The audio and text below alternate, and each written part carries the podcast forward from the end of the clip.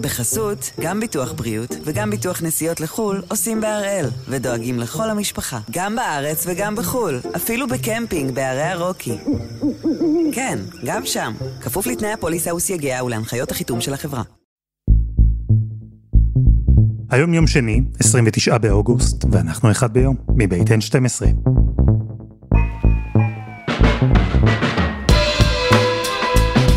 אני אלעד שמחיוף ואנחנו כאן כדי להבין טוב יותר מה קורה סביבנו, סיפור אחד ביום, כל יום.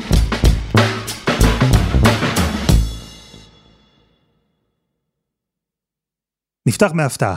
אותי לפחות זה ממש הפתיע, אני מאמין שזה יפתיע גם את חלקכם. הפעם האחרונה שהסתדרות המורים שבתה ב-1 בספטמבר, לא פתחה את שנת הלימודים כסדרה, קרתה לפני יותר מ-20 שנה. מפתיע, נכון? זה לא רק אני, כי איכשהו עושה רושם שאנחנו תמיד בתוך הריטואל הזה, תמיד מתקרבים ל-1 בספטמבר, ותמיד המילה הזו, שביתה, היא תמיד שם, מרחפת, וכל שנה שוב שואלים אם שנת הלימודים תיפתח כרגיל, וכל שנה יש משא ומתן אינטנסיבי, תמיד עד השעות הקטנות של הלילה, וכל שנה הפערים גדולים, ויש חילופי האשמות, וב-20 פלוס השנים האחרונות, בכל שנה, זה בסוף נפתר, בסוף מצאו פשרה. עד עכשיו. אולי. כי נכון לרגע הזה, כלומר, אתמול בלילה, הרגע שבו אנחנו מקליטים את הפרק. המשא ומתן בין משרד האוצר להסתדרות המורים עדיין לא הסתיים. אין עדיין פשרה, אין פריצת דרך. ונכון לרגע הזה, כלומר אתמול בלילה, שנת הלימודים הקרובה לא תיפתח כסדרה. התלמידים לא יחזרו לבתי הספר ביום חמישי הקרוב.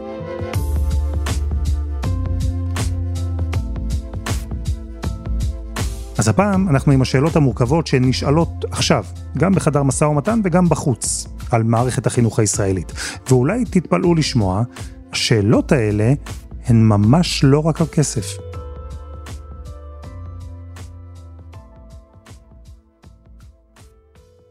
ענבר טוויזר, שלום. שלום אלעד. אז אנחנו בשלב שבו עדיין אה, מדברים, מנסים לפתור את המחלוקות, עדיין לא הגיעו לפיצוץ או למערכת המשפט בבקשה שהיא תכריע. עדיין מדברים. נכון, והשבוע הזה אפילו עלה דרגה מבחינת רמת האינטנסיביות, נפגשים מוקדם בבוקר ונשארים עד השעות הקטנות של הלילה, מנסים לגשר על הפערים, אה, אבל יש עדיין שני נושאים מאוד שנויים במחלוקת, ששם, נכון לעכשיו, לא הצליחו אה, לפתור ולהגיע לעמק השווה ביניהם. אחד זה הנושא של המשכורות של המורים הוותיקים. באוצר אה, בנו טבלת שכר שהיא מתגמלת בעיקר את המורה הצעיר, עלייה של 30 אחוזים למורה מתחיל, שעד היום היה מרוויח סביב ה-6,000 שקלים, ומהיום, אם הצעת האוצר תתקבל, ירוויח 9,000 שקלים בשנה הראשונה, כולל מענק שמתמרץ אותו להישאר במערכת לפחות שלוש שנים. המורים הוותיקים לעומת זאת מקבלים תוספת הרבה יותר קטנה, מי שנמצא יותר מ-20 שנה במערכת החינוך, לפי ההצעה של האוצר, יקבל רק 400 שקלים. על זה בהסתדרות המורים לא מוכנים לוותר, גם במשרד החינוך אה, נותנים להם את הגיבוי, הם רוצים העלאה קצת יותר משמעותית, יותר מכובדת, גם למורים הוותיקים שהם חלק מאוד משמעותי מהמערכת. הנושא השני זה לוח החופשות. באוצר שואפים להזיז עשרה ימי חופשה למקומות אחרים בתוך אה, לוח השנה, כלומר לא לקצץ בימי חופשה, אלא פשוט להזיז אותם, בזמן שיהיה יותר נוח לשאר המשק, להתאים את החופשות לחופשות של ההורים בעצם.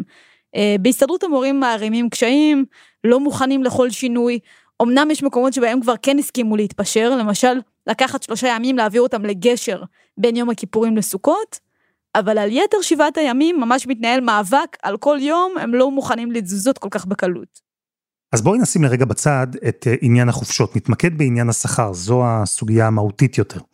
אני מבין ממך שיש הסכמה להעלות את השכר של כל המורים. הפערים הם בגובה העלאה ובחלוקה שבין מורים צעירים לוותיקים. למה דווקא זה הפך לאישיו הגדול כאן? אז באוצר מסתכלים על הנתונים ורואים ש-50% מהמורים בשנה הראשונה שלהם עוזבים את מערכת החינוך. יש נשירה מאוד גדולה בשלבים הראשונים, יש לזה כל מיני סיבות. מורים שבאים עם מוטיבציה מאוד גבוהה, נכנסים לתוך המערכת ומגלים שבפועל נדרשת מהם אה, עבודה מאוד אינטנסיבית, שעות גם מחוץ לשעות הלימודים, ומחליטים לוותר על זה. התנאים של ההעסקה, המשכורות הנמוכות, זו הייתה בעצם השנה הראשונה שלי בהוראה. אני עבדתי בשני בתי ספר, כולל משרת מחנך באחד מהם, אה, והרווחתי בחודש טיפה מעל לשכר מינימום. כמה וכמה פעמים חוויתי חוויות שהיה בהן בהחלט יחס של אלימות. תלמידים זרקו עליי דברים, אה, תלמידים קיללו אותי, הורים קיללו אותי, וזה היה רק בשנה אחת. ויש עוד בעיה שמקשה על מורים צעירים שנכנסים למערכת, וזה עניין הקביעות. אחרי מספר שנים מורה מקבל קביעות במערכת, אה, ומנהל לא רוצה לקחת סיכונים. זה גורם לזה שבשלב הראשון, בשנים הראשונות של העסקה של מורים, נותנים להם אחוזי משרה מאוד מאוד נמוכים. המנהל רוצה לבדוק קודם האם זה בכלל אדם שהוא סומך עליו, שהוא רוצה אותו בתור מורה קבוע, ורק אז מחליט עם מי הוא נשאר וממי הוא נפרד. בפועל, המנגנון הזה גורם לזה שהמון עוזבים את המערכת, וגם מרוויחים מעט מאוד בשלב הראשון, מה שגורם להם להחליט לוותר לחלוטין על המקצוע. ואיפה המחלוקת? כלומר, זה נשמע שיש בעיה עם שימור של מורים צעירים במערכת, זה מה שרואים בנתונים. וגם הוותיקים יקבלו תוספת, אז למה הסתדרות המורים מתנגדת? מה שטוענים בהסתדרות המורים זה שאם הם מקבלים את ההסכם כמו שהוא, אז לא, הם לא עשו בזה שום דבר חוץ מלהקדים משכורות. כלומר, מורה בעשר השנים הראשונות יקבל משכורת יותר גבוהה, יהיה לו מענק, יהיו לו תנאים יותר טובים, אבל מה יקרה אחרי עשר שנים? בעצם מורה ירגיש שאין לו אופק לאן להתקדם. המשכורת שלו תתחיל לעלות בקצב הרבה יותר איטי. אני מזכירה לך, תוספת של 400 שקלים למורה ותיק. הבן שלי, בן 27, מרוויח יותר ממני, ואני 28 שנים מורה. ה-400 שקל האלה שהם אה, מציעים לנו, זה, זה לעג לרש. המודל של משרד האוצר בעצם מאפשר יותר גמישות למנהלים, לתת להם סכום מסוים של כסף, שאיתו הם יכולים לתגמל, לתת תוספת של נניח אלף שקלים, למורה שמבחינתם הוא מורה מצוין. אבל חוששים המורים, זה יהפוך לפוליטיקה קטנה של חדר מורים. אה, מנהל יקדם אנשים שמקורבים אליו והוא אוהב אותם, זה בעצם יחטיא את המטרה ולא באמת יאפשר אה, מצוינות בבית הספר. מה גם שהמודל הזה נשען על אה, מתן של תפקידים. כלומר, מורה שיקבל את התוספת הזו, יצטרך גם למלא תפקיד, זה גם מוסיף לו עבודה, אה, ולא רק אה, מוסיף לו כסף. השיח בחדר המשא ומתן, לפי מה שאת שומעת, הוא על מהות, על איך השינויים האלה ישפיעו על החינוך, או שבסוף מדברים בעיקר על מספרים? השיח הוא בעיקר על מספרים, אבל משרד האוצר מאמין שצריך לייעל את המערכת, לנצל את ההזדמנות כדי להפוך את מערכת החינוך לטובה יותר. למשל חוזים אישיים, שבית ספר יוכל אה, לקחת מורה שהוא אולי טוב במיוחד בתחומו, או אולי אפילו למשוך אה, מתחומים אחרים, כמו מההייטק, להחזיר ולהביא לתלמידים ערך מוסף באמצעות הכלים האלה. למשל, נתגמל מצוינות, נהפוך את שיטת הפיטורים בבתי הספר לגמישה יותר, ששני הצעדים האלה אמורים לגר... לגרום אולי להאיץ במורה, להיות מורה יותר טוב, להבין שהוא לא, אה, אין לו איזו קביעות נצחית בתוך מערכת החינוך, אלא יש גם אה, איום ויש עין שמפקחת עליו. מהצד השני, אומרים המורים הוותיקים, זונחים אותנו, שוכחים אותנו מאחור, גורמים לנו להרגשה שאנחנו מיותרים ושאפשר לזרוק אותנו לפנסיה. הם אומרים, גם לניסיון יש תפקיד מאוד חשוב במערכת החינוך, והסכם כזה, אה, מבחינתם זה משהו שמאוד פוגע. למה אני זו שצריכה להכשיר את המורים החדשים? אני מקבלת אה, לעשות סטאז' אצלי בכיתה, אני מד... מנחה, מדריכה, אני עושה את הכל, אני לא מקבלת על זה כמעט כלום, אני מכינה את הדור העתיד, ואני דורכת במקום? לא פייר. לא... באה הסתדרות המורים, שהיא מבחינתה מייצגת את אותם מורים ותיקים, אה, ולכן היא גם מוכנה לעמד על הרגליים האחוריות, ומנסים ממש עד הרגע האחרון להביא הישג גם למורים הוותיקים, ולא רק לתגמל מורה צעיר שנכנס למערכת. תראו, חינוך טוב זה מושג חמקמק, כי בעצם שני הצדדים מסכימים שבשביל חינוך טוב צריך עוד כסף, אבל כל צד טוען שכדי שהחינוך יהיה ממש טוב, צריך להשתמש בכסף הזה באופן אחר. ובזמן שאתמול הוויכוח התנהל בחדר המשא ומתן, ובזמן שראש הממשלה התערב ושוחח עם שר האוצר, ששוחחו עם שרת החינוך, שהתווכחו ביניהם למי יש סמכות לבקש צווי מניעה, אם המורים בכל זאת יחליטו ללכת לשביתה. אז בזמן שכל הדבר המורכב הזה קרה אתמול, התפרסם במקביל מחקר. זה מחקר שערך פרופסור דן בן דוד, נשיא מכון שורש למחקר כלכלי חברתי, הוא כלכלן מאוניברסיטת תל אביב.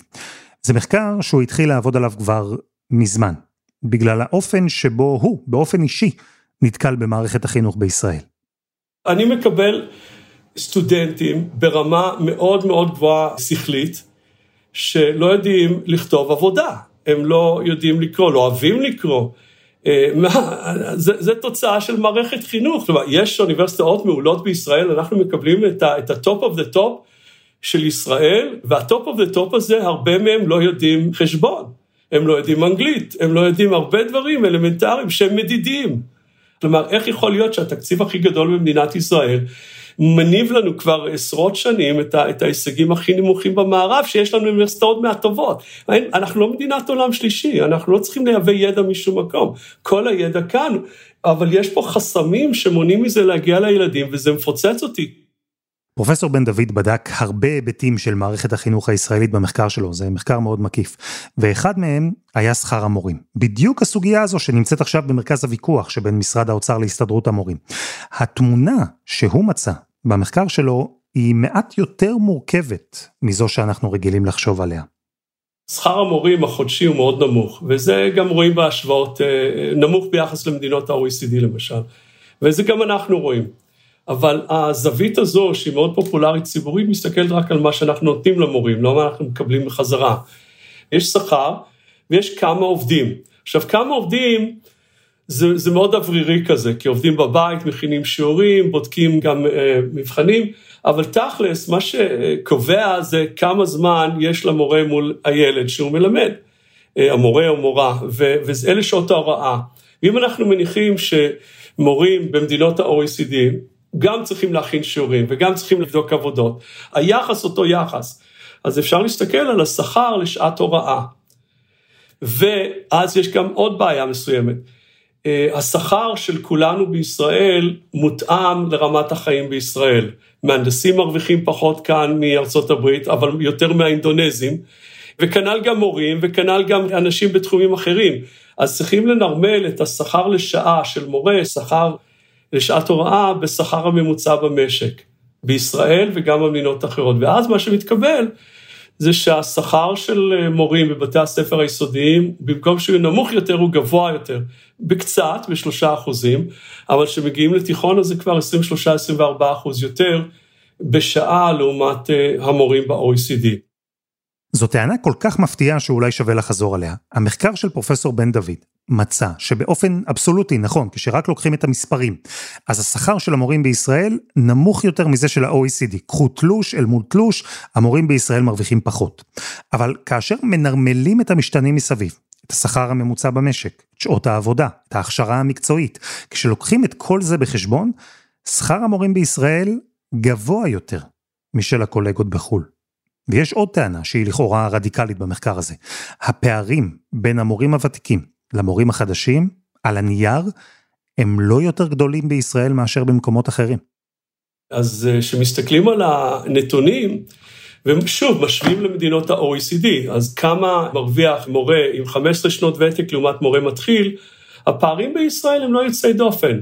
ביסודי הם, הם כמעט זהים, בעל-יסודי אה, הנמוך, חטיבות ביניים קצת יותר גבוה, הפערים לא יוצאי דופן, בתיכונים בכלל פערים נמוכים יחסית. אז רגע, מה קורה כאן? איך יכול להיות שיש מחקר רציני, מעמיק, שמצא שפערי השכר בין מורים חדשים לוותיקים הם לא גדולים יותר בישראל לעומת יתר העולם המפותח, לפחות לא באופן משמעותי, אז על מה כל הוויכוח? על מה השביתה הקרובה? או, אז לפרופסור בן דוד יש אבל. וזה אבל גדול מאוד. אלה פערים שנמדדים עבור משרות תקניות מלאות. ומה הבעיה מתברר בישראל? שבמיוחד אצל מורים מתחילים הם לא עובדים משרה מלאה. למעלה מ-90% מהמורים המתחילים של שנה ראשונה, השנייה, הם במשרה חלקית בכלל.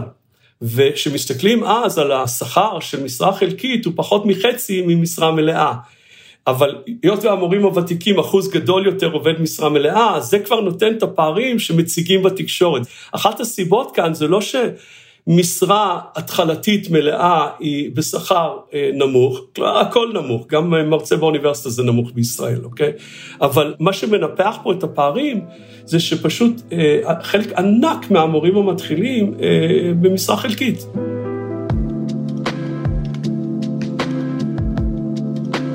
הוא אמר מראש, זה אבל גדול, ונסביר אותו. אבל, כן, גם לי יש אבל, קודם חסות אחת, וממש מיד חוזרים.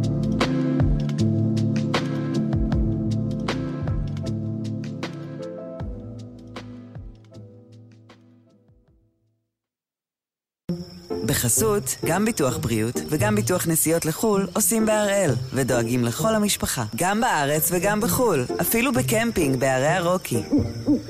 כן, גם שם, כפוף לתנאי הפוליסה וסייגיה ולהנחיות החיתום של החברה. אנחנו עם המשא ומתן בין האוצר להסתדרות המורים, במה שנראית כאפשרות הממשית ביותר לשביתה ראשונה ב-1 בספטמבר ביותר מ-20 השנים האחרונות. ודיברנו על הפערים בין המורים הוותיקים למורים החדשים, זו הסוגיה המרכזית שנותרה עדיין לא פתורה. המחקר של פרופסור בן דוד מצא שהפערים בשכר בין החדשים לבין הוותיקים לא גדולים בישראל משמעותית מאשר במקומות אחרים בעולם. אבל בישראל, בניגוד לעולם, המורה הצעיר יעבוד לרוב במשרה חלקית והוא יקבל שכר חלקי. ואז הפערים בינו לבין המורה הוותיק יזנקו. התנאים האמיתיים שהוא מקבל יהיו גרועים יותר. וכל זה קורה בסביבת עבודה לא קלה, בכיתה. והמודל הזה, שבו מורים חדשים עובדים במשרה חלקית, הוא מודל מעט משונה. אז שאלנו את פרופסור יזהרו פלטקה, מבית הספר לחינוך באוניברסיטת תל אביב, למה בעצם זה ככה? למה רוב המורים הצעירים לא עובדים במשרה מלאה? אצל חלקם לפחות, מדובר בבחירה שלהם. אה, למה? קודם כל, אה, נדבר על אימהות. אמא צעירה רוצה לצאת מוקדם יותר. האופציה היחידה שיש לה היא לקחת חלקיות משרה, לעבוד פחות ימים. זה הסבר אחד. הסבר אחר, זה שעוד פעם אנחנו חוזרים לאנשים צעירים. אני לומד במקביל, אז עבודה של הוראה. אני עובד בעוד דברים, אנחנו יודעים על מורים שעובדים במקביל בתל אביב במלצרות ובכל מיני דברים. והם אומרים, אני, אני לא רוצה, חזרנו לדור הוואי, אני לא רוצה להיות רק מורה כרגע, אני עוד לא החלטתי, אוקיי? אז יש לנו גם את זה. דבר נוסף זה הביקוש. יש לא מעט מקצועות שאי אפשר לתת להם משרה מלאה. כמו למשל מורים לצרפתית ומורים לסינית ומורים לערבית ומורים לדרמה ומורים לריקודים. אז כן, חלק מהמורים בחרו לעבוד במשרה חלקית, אבל אצל חלק אחר, והוא לא מבוטל, זה נובע מאילוץ של המערכת. ושמענו מטוויזר שלשכור מורים חדשים במשרה חלקית הפכה לדרך של מנהלים לבחון אותם לפני שהם יעברו את הסף ויקבלו קביעות. אבל זה לא רק. מערכת החינוך בישראל כולה מעדיפה מורים חדשים במשרה חלקית, היא הפכה את המודל הזה לסטנדרט. עכשיו כתבתי מורים במשרה חלקית, קיבלתי אין סוף ביקוש עבודה באינטרנט, כשכתבתי בגוגל, למשרות חלקיות בהוראה. למה? מה, איפה אנחנו רואים את זה? אנחנו רואים את זה בחינוך המיוחד לפעמים, שצריכים משרות חלקיות. אנחנו רואים את זה בתיכונים, כמו שאמרתי, ללמד צרפתית, אין משרה מלאה לתת. ומורה אומרת, מה, אני ארוץ בין עשרה בתי ספר? אז היא מלמדת בשני בתי ספר, וזה עדיין משרה חלקית. המערכת שמבקשת למשל בלימודי העשרה, כלומר, לוקחים מורים, והם יושבים על התקן. כלומר, המערכת בעצמה גם בנויה בחלקה על מורים במשרה חלקית, כן. ובבסיס נוצרה כאן שאלה, צריך להודות, שאלה מורכבת. בהנחה שאנחנו לא במציאות אופטימלית, אי אפשר הרי להעלות את השכר לכל המורים בעשרות אלפי שקלים בחודש.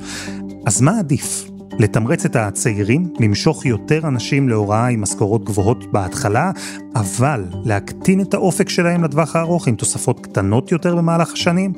או לבחור את המודל המנוגד, להבטיח שאלו שיתמידו במערכת יתוגמלו יותר עם הניסיון והוותק שיצברו. אז יש דרכים להנדס את המציאות ככה שהבחירה לא תהיה כל כך חדה, לא תהיה בין שחור ללבן. נניח עולה ההצעה לתגמל מורים טובים יותר ולייחד אותם עם חוזים מותאמים אישית. כן, אני מאוד מסכים עם זה, מאוד מסכים, ואני uh, הייתי רוצה שזה לא יבוא רק מהאוצר, הייתי רוצה שזה יבוא גם ממשרד החינוך כתפיסה. הרעיון שלא להסתכל יותר על השכר בצורה אחידה לכולם, אלא בצורה דיפרנציאלית, הוא רעיון נכון. כי הוא בא גם מהעולם התעשייתי שאומר איך אני אתן לאדם מוכשר מוטיבציה. למשל, התפיסה הזאת שאומרת שבוא ניתן לעשרה אחוז מהמורים לתת להם להיות בחוזה אישי. אבל אז אומרים לי, אבל איך אתה בוחר את העשרה אחוז הטובים ביותר? ואז אני מזהיר ואומר, אם תיתנו למנהלים לעשות את זה, אז זה כנראה לא יהיה עשרה אחוז הטובים ביותר.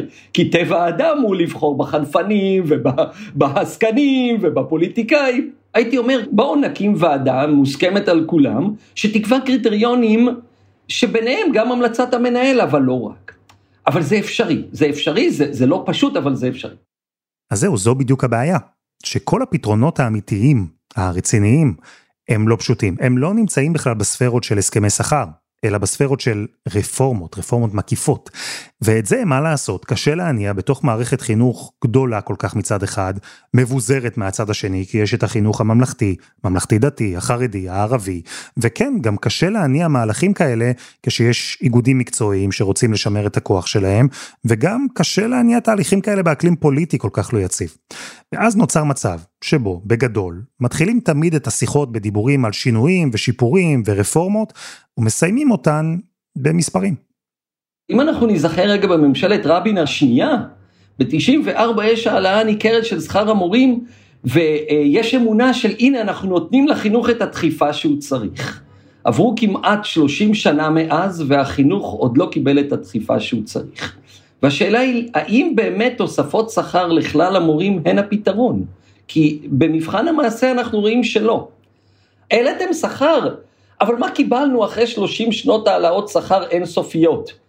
מערכת שיש לה הרבה לאן להשתפר, אנשים צעירים שלא רוצים לבוא אליה, והם לא רוצים לבוא לא רק בגלל אה, בעיות שכר, שכר זה רק מרכיב אחד, יש הרבה יותר בעיות במערכת הזאת שגורמות לאנשים לא להגיע אליה.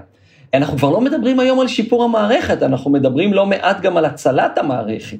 כי אם ימשיך המחסור, במורים צעירים, יגיעו אל המערכת אנשים שפחות מתאימים, ואז אה, בעצם המערכת לא רק שהיא לא תשתפר, היא תרד. לכן אני חושב שלתת למורה חדש 9,000 שקל, זה חבל הצלה למערכת. אנחנו כבר לא מדברים היום על, על לשפר אותה, אנחנו מדברים על להציל אותה.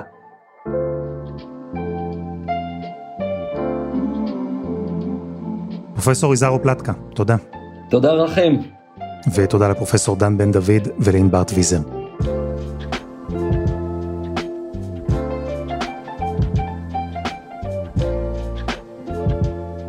וזה היה אחד ביום של N12. אנחנו גם בפייסבוק, חפשו את אחד ביום הפודקאסט היומי. העורך שלנו הוא רום אטיק, תחקיר והפקה עדי חצרוני, רוני ארני ודני נודלמן. על הסאונד יאיר בשן שגם יצר את מוזיקת הפתיחה שלנו, ואני אלעד שמחה יוף. אנחנו נהיה כאן גם מחר.